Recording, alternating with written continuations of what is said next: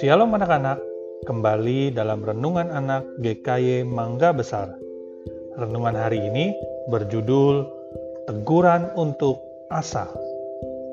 Anak-anak, kalian pernah berbuat suatu kesalahan? Mungkin pernah ya. Lalu apa yang dilakukan orang tuamu atau mungkin gurumu atau temanmu waktu mereka mengetahui kamu berbuat sesuatu yang salah? Apakah mereka akan diam saja Sepertinya tidak ya. Mereka akan mengatakan sesuatu kepada kalian, mengatakan bahwa kalian telah melakukan sesuatu yang salah. Kenapa? Karena mereka sangat mengasihimu. Karena itu, mereka pasti akan menegurmu dan mengingatkanmu supaya kamu tidak melakukan kesalahan lagi. Anak-anak, Raja Asa pernah ditegur karena dia tidak mencari Tuhan waktu Raja Baesa hendak menyerangnya. Raja Asa tidak mencari Tuhan, tidak meminta pertolongan kepada Tuhan, tetapi malah meminta pertolongan kepada raja yang lain. Tuhan akhirnya mengutus Hanani untuk menegur kesalahan Raja Asa itu. Karena engkau bersandar kepada Raja Aram dan tidak bersandar kepada Tuhan, maka tentara-tentara Aram akan mengalahkanmu engkau telah bertindak bodoh. Karena itu kerajaanmu akan terus mengalami peperangan, kata Hanani. Lalu bagaimana respon dari Raja Asa? Anak-anak kalian tahu, Raja Asa menjadi sangat marah.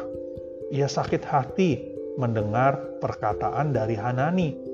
Lalu ia memerintahkan tentara-tentaranya untuk menangkap Hanani dan memasukkannya ke dalam penjara. Raja Asa saat itu juga menganiaya beberapa orang dari rakyatnya. Anak-anak, pada tahun ke-30, Raja Asa sakit di kakinya. Dan sakitnya itu semakin parah. Tetapi dia tidak berdoa kepada Tuhan dan tidak mencari pertolongan Tuhan. Ia malah mencari pertolongan kepada orang lain. Akhirnya sakit Asa tidak sembuh dan ia pun meninggal di tahun ke-40 satu masa pemerintahannya. Anak-anak Alkitab berkata, siapa mengindahkan didikan menuju jalan kehidupan, tetapi siapa mengabaikan teguran, ia akan tersesat. Dari Amsal 10 ayat 17. Raja Asa mengabaikan teguran. Ia tidak berubah. Ia tersesat. Ia tidak lagi mau mencari Tuhan.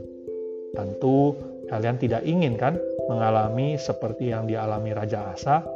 Karena itu saat kalian ditegur, bersyukurlah dan jangan marah atau mengabaikannya. Tuhan pasti akan tolong kalian.